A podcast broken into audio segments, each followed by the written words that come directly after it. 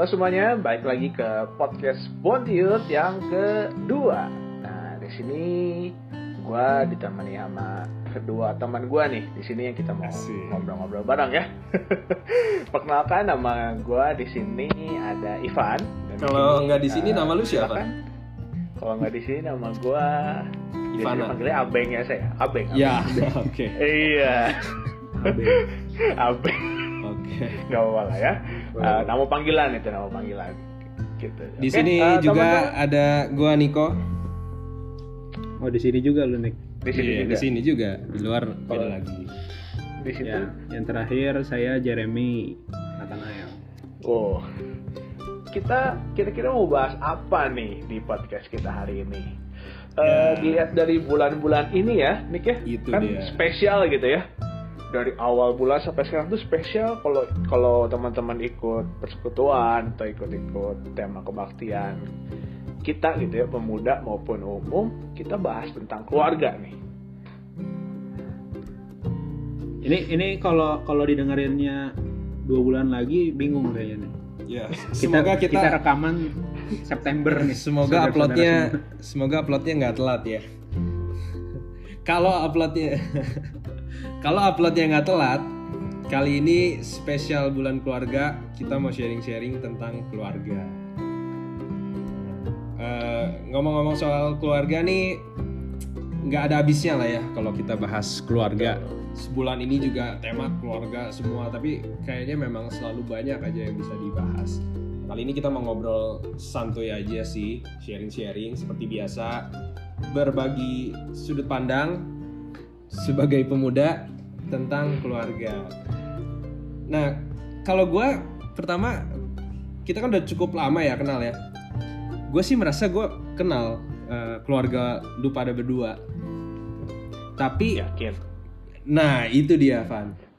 Biasanya Iya. yang kelihatan di luar sama yang di dalam di rumah kan agak beda ya. Hmm. Nah, kita mau mau cari tahu aja.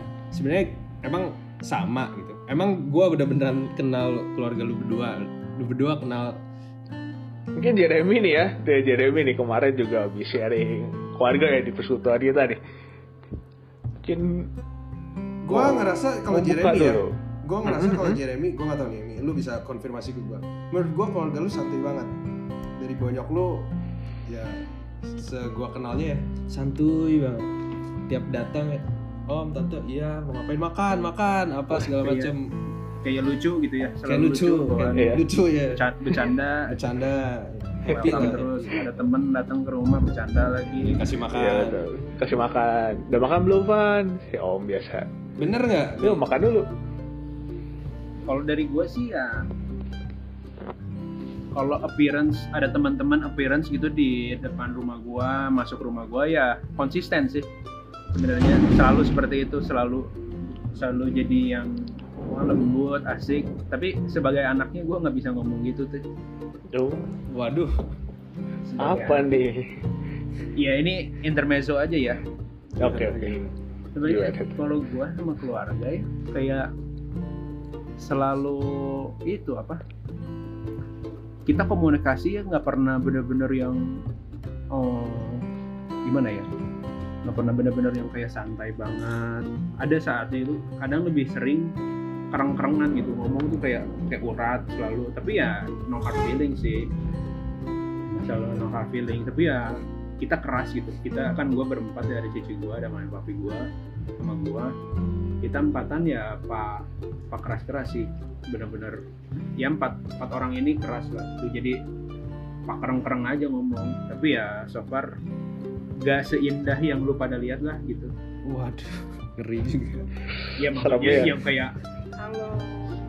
Ayo makan ayo makan enggak enggak kayak gitu sih. Kayak kadang-kadang ya lebih lebih ketus dari itulah. Jadi sebenarnya di de- di depan orang-orang ya itu salah satu acting lah kalau menurut gua. Tapi ya gua gue juga nggak mau sih sebenarnya sebagai anak punya orang tua yang kayak halo Jeremy selamat datang di rumah udah makan belum kayak anjir apa banget sih kalau dari gue ya gue sih nggak nggak gitu juga gue bahkan lebih prefer yang sekarang aja deh udah bersyukur banget sih gitu sih kalau itu Jadi nggak Iya. pernah ditawarin makan loh. Lapar Nggak. gitu. harus harus cari makan sendiri Buset. sekeras itu ternyata dik Keras itu.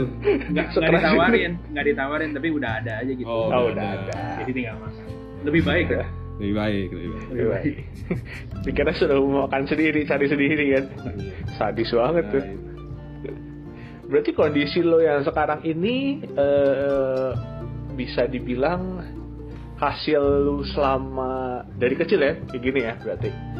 Atau ada fasenya di kehidupan lu teh orang tua lu tuh kayak gitu ke lu teh dari umur berapa gitu ada nggak sih? Ya pas masih kecil mah lebih slow Oh, iya. beneran.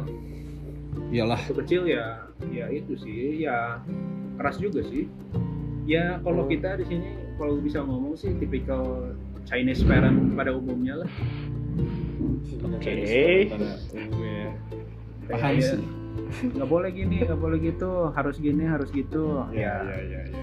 ya waktu kecil lu manggut-manggut aja gitu kan tapi ya sekarang makin gede makin bisa dialog lah jadi dua arah gara-gara ya ya ada pengalaman ya jadi oh nggak bisa gitu. Pengennya gini gitu. Ya ada proses lah. Sampai jadi lu bisa menikmati gaya didik orang tua lu ya ada proses lah kalau dari gue ya. Nggak tahu deh kalau lu duaan gimana? Van, ya Van. Kayaknya Wah, menurut gua kayak bokap lu lebih diem-diem gitu, lebih sabar, eh, slow. Ya, setahu gue sih kalau misalnya lagi main kita gitu yang dicariin tuh lu duaan aja sih kalau gue jarang dicariin Waduh. Di, Kelihatan di sini gimana? Gimana? kita kayak anak rumahan banget, kayak culun banget kita ini kayak. Oke. Rumahan gua memang. Ya bener sih Nick, yang lu lihat eh, dari luar ya, emang di keluarga gua eh, bokap cenderung lebih dingin dibanding eh, nyokap ya di sini konteksnya gitu. Eh, dan emang juga beda sih kalau tadi Emmy bilang di keluarganya itu lebih apa ya lebih ngobrol dan bisa saling berkomunikasi as a friend ya sebagai teman di gua gua belum belum atau tidak ya nggak tahu ya. Mungkin belum sampai ke titik itu gitu. Karena Hmm. emang dari dulu juga eh, gua orangnya emang tertutup. Gua jarang ngobrol gitu sama keluarga ya dari kecil. Mungkin karena takut lah takut dan nggak pede gitu lah untuk cerita ke orang tua kayak ngapain gitu ya dulu masih bocah gitu mikirannya SMP SMA SD gitu apalagi ya. Kayak ngapain sih orang tua teh eh, maksudnya cerita ke orang ke mereka mah nggak pernah gitu. Jarang gitu ya jadi pulang sekolah di kamar tidur ya gitu lah Eh, melakukan rutinitas pada pada umumnya eh, dan orang tua itu gue pikir cuma sebagai orang tua gitu. nggak lebih. Nggak nggak nggak bisa lebih gitu. Belum bisa sedekat bisa gua pandang sebagai teman gitu. Eh, dan sekarang pun sampai- masih sampai sekarang berproses. kayak gitu? sampai sekarang sudah sedikit lebih membaik ya kalau bisa gua nilai dibanding dulu karena mungkin gua sudah eh, bisa melihat eh, keluarga gua untuk sebagai orang yang selalu ada gitu ya di sisi kita. Gitu. kan dulu mungkin waktu SD SMP SMA kan kuliah dekatnya sama teman-teman. Gitu. begitu udah lulus teman-teman juga udah punya jalan-jalannya sendiri gitu ya. Dan kondisi corona pun ini mendukung sekali gitu. Dan harus lu selalu stay in eh, di rumah yang yang di rumah yang ada di rumah ya keluarga lu gitu. Dan secara nggak langsung eh, makin sadar lah. Eh, makin realize bahwa eh, benarnya orang yang selalu ada di sebelah lu yang mendukung lu itu bukan teman-teman lu ya walaupun ada sih. Pandemi membuka mata lu kan bisa dibilang lah pandemi ini membawa Setuju membawa sih. sebuah perubahan ya, Ya. Di, di keluarga. Gue nggak tahu di teman-teman yang lain mungkin. Eh ya mungkin ada yang mem- ada yang nggak bisa dibilang semuanya membaik gitu. Ada ada juga yang gara-gara di rumah juga makin stres ya sama keluarga. Kan kalau misalnya dilihat kemarin ada studi gue lupa di mana gitu ya. Tingkat KDRT tingkat kekerasan dalam rumah tangga itu makin meningkat semenjak pandemi ini gitu. Ada angkanya. meningkat angka kelahiran Nah, gua baru mau ke sana, Bro. itu juga ya ya. Itu karena waktu luang kayaknya. selalu punya waktu luang ya jadi ya gitulah. Gue belum kalau bisa dibilang merasakan kehangatan di dalam keluarga ya enggak. Belum belum terlalu terasa lah. Tapi dalam diri gue pribadi ya gue mau udah mulai mencoba lah.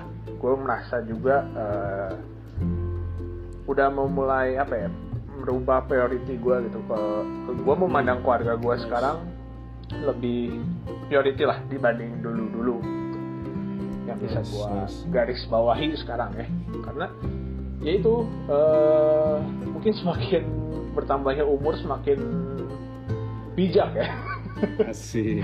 semakin bijak ya jadi ya gitulah ya intinya dulu jarang terbuka sekarang udah mulai suka cerita cerita lah Gua gua di situ gua kayak sih. lu juga, Van. Mirip gua ya? gua mirip mirip banget. Dari dulu gua tipe yang jarang banget ngobrol sih. Si Emi kayaknya lebih sering ngobrol ya, Mia. Gua Sing- ya, sama- sering sama- banget ya. sama sekarang keluarga lu. apalagi sekarang apa-apa juga diobrolin sih kalau gua Gua kalau gua dari dulu emang jarang banget sih.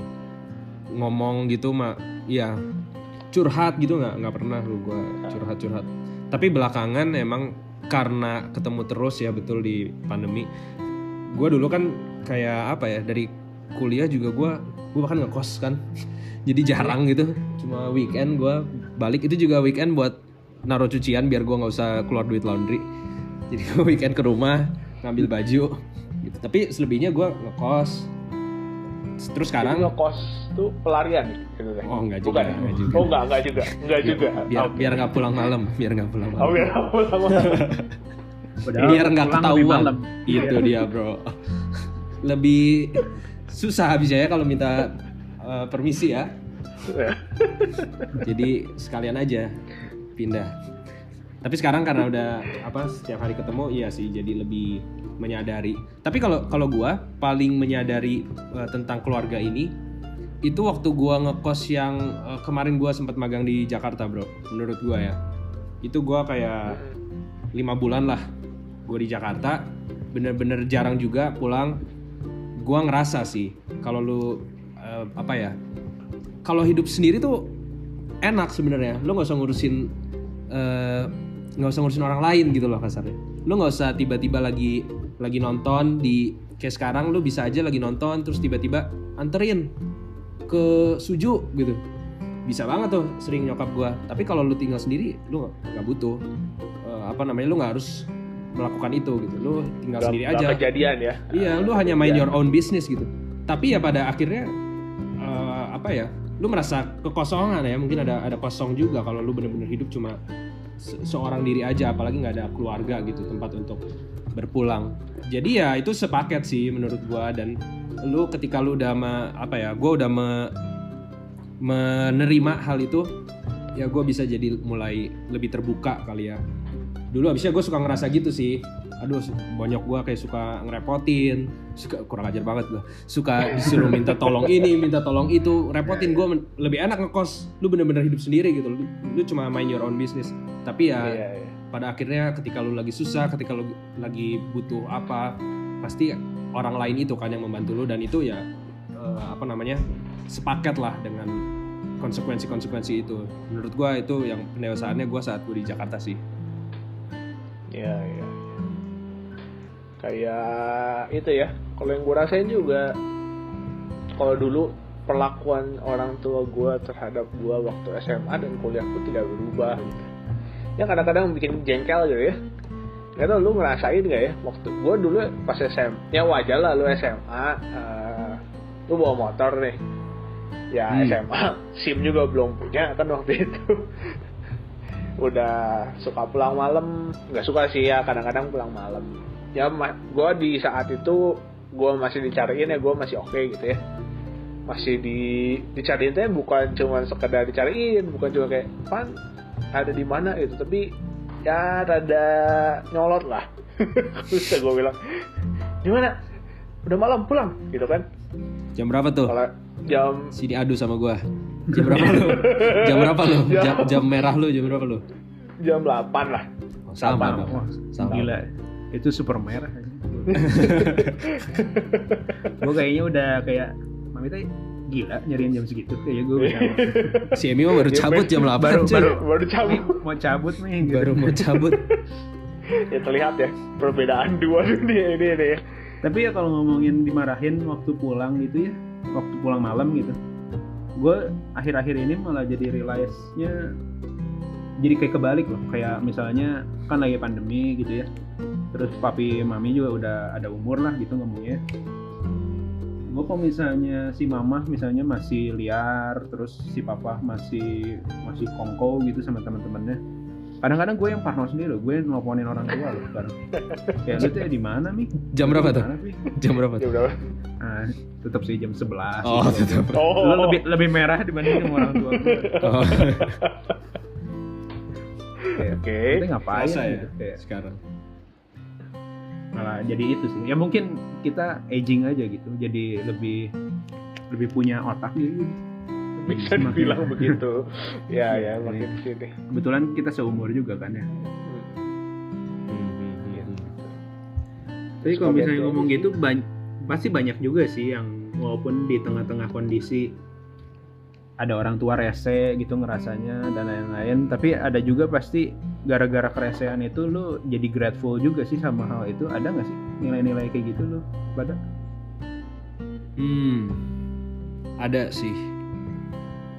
Jadi Coba yang yang awalnya awalnya lu kayak merasa kenapa sih nih kayak begini gitu. Kena, kenapa sih? Tapi sebenarnya Iya, iya. lu dapat sesuatu kan. Ada sih. iya lu lu kayak grateful banget sih untung aja orang tua gua kayak gini Hmm. dulu lu nggak ngerti sekarang lu ngerti banget dan lu bersyukur akan hal itu gitu Oh, gua gua ada nih.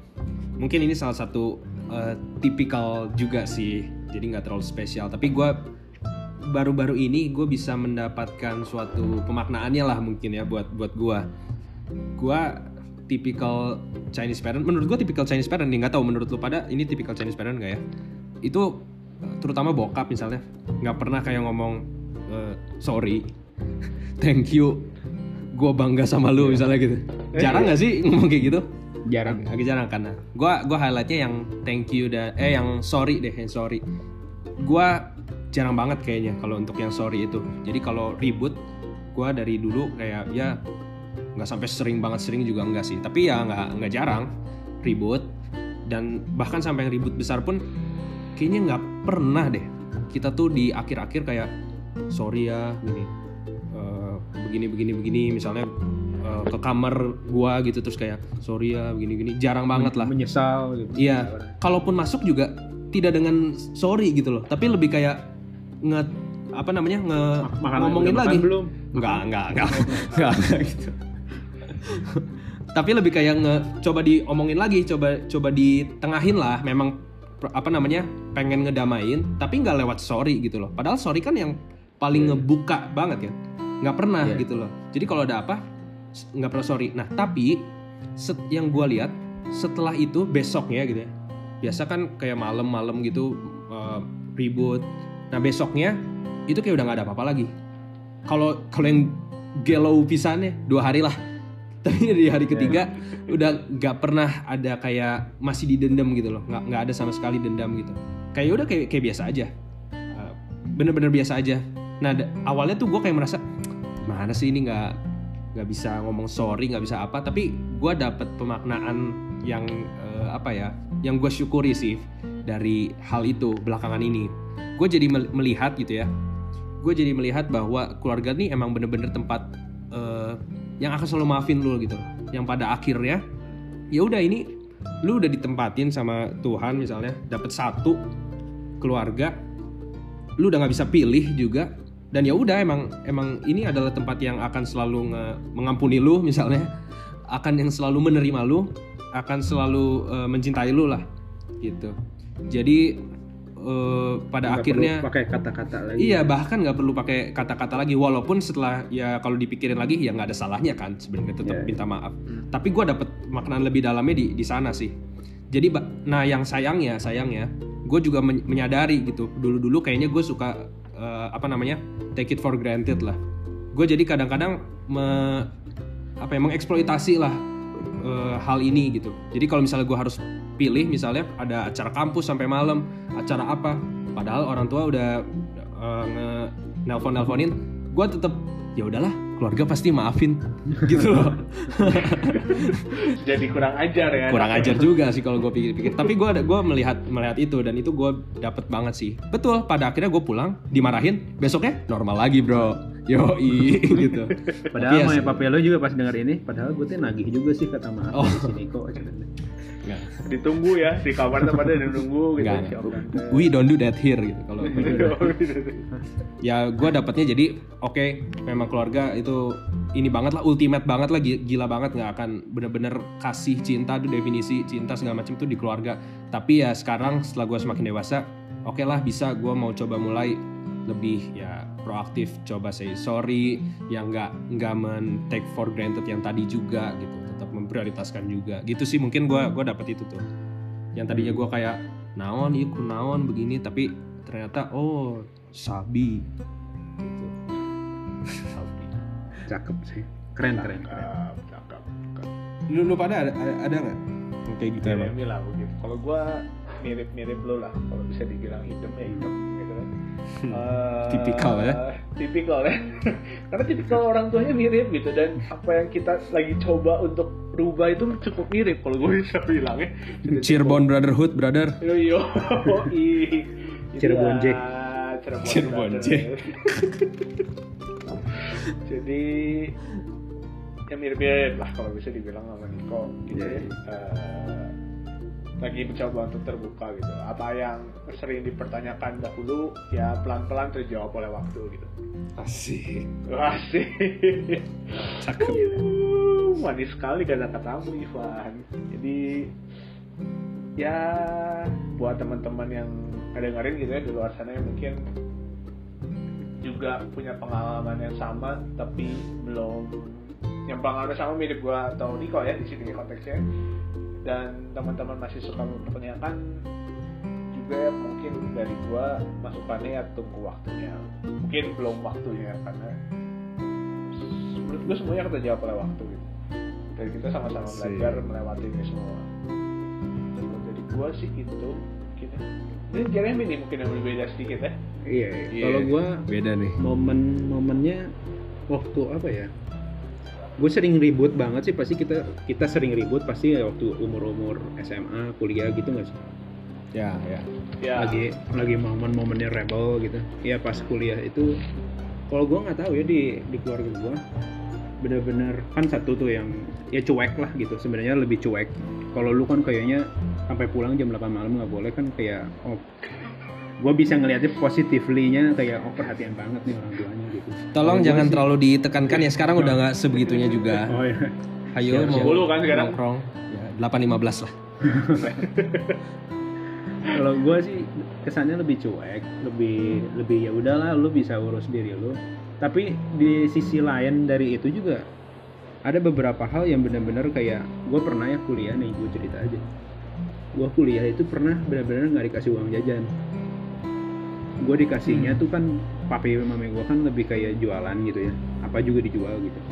Gue dikasihnya tuh ada barang tisu waktu itu tisu berbox box dia ngomong nih lu jual aja ini ini jadi uang jajan lu. Lu waktu kuliah tuh BT-nya setengah mati kan? Lu kayak ya memang sih kalau misalnya ngomong bukan yang kayak hari ini lu belajar tentang jualan. Bukan kayak gitu sih. Oh, tapi emang entrepreneurship bro itu. Iya. tapi kayak kayak dari dini. kayak gue juga cukup yakin makanya gue kayak ini barang bingung gitu jualnya harus di order lah gitu.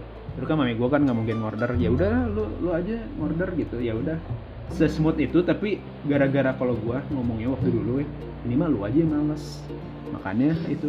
Terus biar gue gerak lu di stop ya uang jajan. Ini uang jajan lu. Ya biar gerak aja tapi ya Otoriter. waktu, waktu waktu zaman dulu ya gue sempat kayak anjir balik lah. Kayak naon Kayak- pisan gitu ya. yang ma- lebih malesnya itu gue pulang kuliah itu harus ngorder.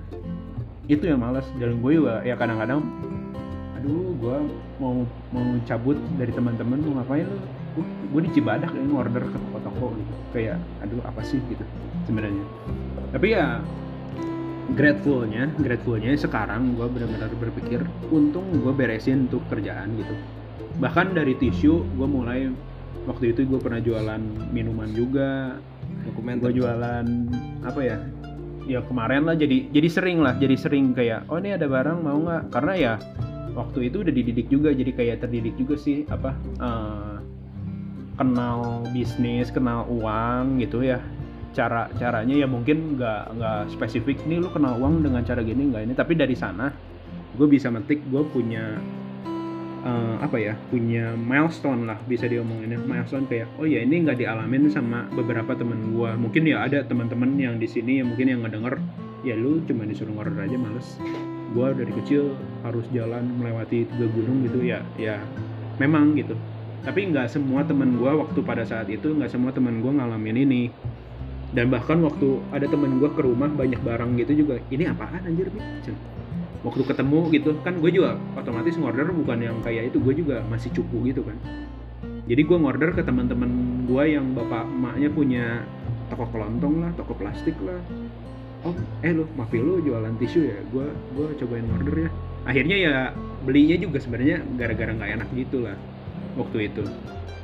Tapi ya waktu itu ya gue ngorder kayak oh ya nih harganya segini oh, kemahalan lu mi. Gue balik lagi ke rumah kan mi kemahalan ini gimana? Ya udah bikin bikin program. Oh jadi barengan bikin program gitu.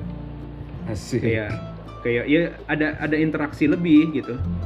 Ada interaksi banyak yang apa ya makanya milestone itu gara-gara hal itu gue benar-benar punya hubungan yang baru lagi terhadap orang tua gue sampai sekarang pun kayak ngomongin duit ngomongin apa wah udah udah tektokan gitu udah ngerti udah saling ngerti. Jadi eh, itu sih momen grateful gue sebagai anak gitu. Di di sisi lain dia cuek nggak nggak ya lebih cuek daripada lu pada gitu. Nggak itu tapi ya cuek juga terhadap dulu nggak mikirin gitu ya si mami nggak ngasih gua uang jajan dan lain-lain. Tapi ya sekarang gue metik buahnya sih kayak oh ya gue lebih independen gue lebih ngerti dan gue ngomong ini itu juga udah nggak punya burden lagi nggak punya batasan gitu sama orang tua. Gue semua sekarang diceritain sih ke orang tua. Sabi sabi gitu banget. sih. Sabi Asik ya. sabi sabi banget. Menurut gua yang paling sabinya ketika kita udah bisa memetik lah ya eh, apa sih yang terjadi? Kita nggak cuma lihat negatifnya mungkin dulu memang masih lebih bocah kali ya. Kita cuma ber berpaku sama yang nggak enaknya kali ya. Kenapa sih nggak boleh pulang malam? Kenapa gua nggak dikasih uang jajan? Tapi ya memang pada akhirnya kelihatannya mereka pasti punya punya sesuatu yang baik ya di, di Ya, balik betul. itu gitu. Loh dan Hopefully. bersyukur banget sih kalau misalnya kita udah bisa udah bisa ngomong gini mungkin ya di di beberapa Iya. hal gua gua Iya. bukan berarti bilang kita udah bener-bener ngerti banget gue yakin ada berbagai aspek yang kita juga masih bingung Iya, masih ya kan? pelajarannya masih terus berlanjut Iya, pasti. akan selalu berlanjut sih. Banyak banget pasti dan ya alangkah baiknya kita selalu mencoba untuk eh, ya positive thinking dulu kali ya, jangan langsung negative thinking. kata si Ivan kan waktu perlu waktu aging like wine kan Asik. Enggak, Iya. minuman ya dari minuman ke wine Iya. siap siap bos Oke, eh, nggak kerasa berapa lama nih? Udah mau setengah jam kita kita ngobrol. Padahal cuma ngomong gitu-gitu aja ya. Udah setengah Ya, jam loh. sedikit ya sedikit banget yang dibahas ternyata masih padahal masih banyak nih menurut gue Iya. yang bisa diambil ya Iya, nggak karena memang sih balik lagi nggak akan ada habisnya bro Nggak. keluarga iya ya. nggak akan ada beres ya betul Sampai kapan pun juga ya pasti akan ada sesuatu yang bisa Yang kita baru. ambil lah. Intinya kita bisa bersyukur aja sih dengan apa yang udah kita ini apa namanya kita sudah diberikan, tapi juga kita bisa eh, proaktif ya di keluarga kita sendiri. Iya. betul lanjutnya di bulan keluarga tahun depan ya lanjutnya di iya nanti kita kita lanjut ya di episode ke 100 sekian Bondiut Podcast. Eh nggak 100 ya kalau dua 12, minggu sekali ya 14 lah. sekian lah sekian. 26, 26. ya 20 26an betul betul. Gila pinter lu Van. Yo, nanti kita sambung di episode ke 20 sekian kita bahas di bulan keluarga Gagal 2022 lagi. Terus keluarga lagi. Oke. Gua closing statement gua ya buat para pendengar gitu ya, yang ini dia konteksnya bulan keluarga ya. Semoga yang denger beberapa udah denger ya ada kalau orang tua juga denger ya lebih baik lah ya Eh, tentang curhatan hati kita gitu Eh, dan teman-teman juga buat yang ngerasa mungkin relate sama apa yang tadi kita udah ceritain atau mungkin nggak tahu juga sih kita di sini sini teman-teman di luar sana itu punya keluarga yang seperti apa gitu. Tapi yang mau dipetik dari sini adalah yang tadi gue bilang eh, semua yang terjadi gitu ya eh, di kehidupan kita masing-masing itu selalu punya makna selalu ada sesuatu yang bisa kita ambil gitu dan tinggal kita atur sudut pandang kita terhadap uh, kejadian itu gitu. Dan apalagi di circle terdekat kita terkecil kita yaitu di keluarga. Ya yang gua gua bisa bilang ya circle terkecil kita yang kita punya tuh ya keluarga gitu. Dan di sini eh, karena yang terkecil dan terdekat gitu ya, jangan sampai kita lalai ya sampai kita luput ya sampai kita nanti menyesal di kemudian hari gitu dikasih circle kecil ini nggak kita perhatikan dengan baik gitu. malah kita fokus ke circle-circle yang luar yang belum tentu eh, ada buat teman-teman nanti di mungkin di saat tua gitu. Gitu. jadi ya intinya perhatikanlah mereka ya se nggak enak apa pun yang terjadi di kehidupan teman-teman gitu ya mungkin punya masa lalu yang gak baik gitu dalam keluarga ya ya udah gitu itu jadikan pengalaman mungkin mereka juga eh, menyesal ya melakukan itu Mereka juga orang biasa kan. mereka juga orang Hmm. biasa ya terus belajar ya kalau menurut persekutuan kemarin tuh Ya. seperti gitu mereka juga belajar gitu Eh, orang jadi orang tua juga nggak praktis gitu Eh, nggak nggak nggak sekolahnya juga nggak ada gitu. Buat nyari gitu. Jadi dimengerti lah. Ya. pengertian itu cukup cukup harus eh, ditekankan. Dua arah ya jangan cuma kita minta dimengerti kita juga harus coba mengerti. Betul betul. Iya, kalau gue mungkin tadi ngebahas persekutuan juga kemarin bagus banget kemarin ada persekutuan yang waktu itu judulnya Home Run. Pembicaranya Tante Esther Solihin. Jadi eh, kalau kemarin itu jadi ini sekalian kesimpulan terakhir aja ya, udah waktunya juga udah cukup ya. Jadi sebenarnya eh, makna keluarga itu bisa digambarkan dari kayak ada huruf kayak huruf Ibrani atau apalah nggak tahu saya juga lupa tapi bentuknya itu kayak C tapi kebalik.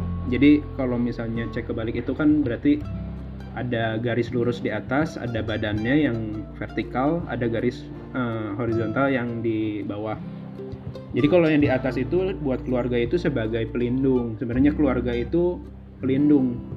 Jadi di kita sebagai anak mau sebagai orang tua mau sebagai eh, saudara gitu kita di dalam rumah itu ada ada naungan gitu di atas itu sebagai pelindung. Nah, yang kedua itu ada di yang garis vertikal itu itu adalah sebagai histori kita. Histori kita sebagai anak, sebagai orang tua, hubungan kita yang di mana itu tuh harus ditutup. Makanya tuh ditutup ya ada ada kayak buntu gitu kalau itu harus ditutup. Tapi kita juga nggak boleh anggap hal itu tuh nggak ada karena ada garisnya nyata di situ, tapi kita tutup itu harus berakhir dan kita harus belajar dari situ dan itu ada adanya. Eksis gitu ada eksis.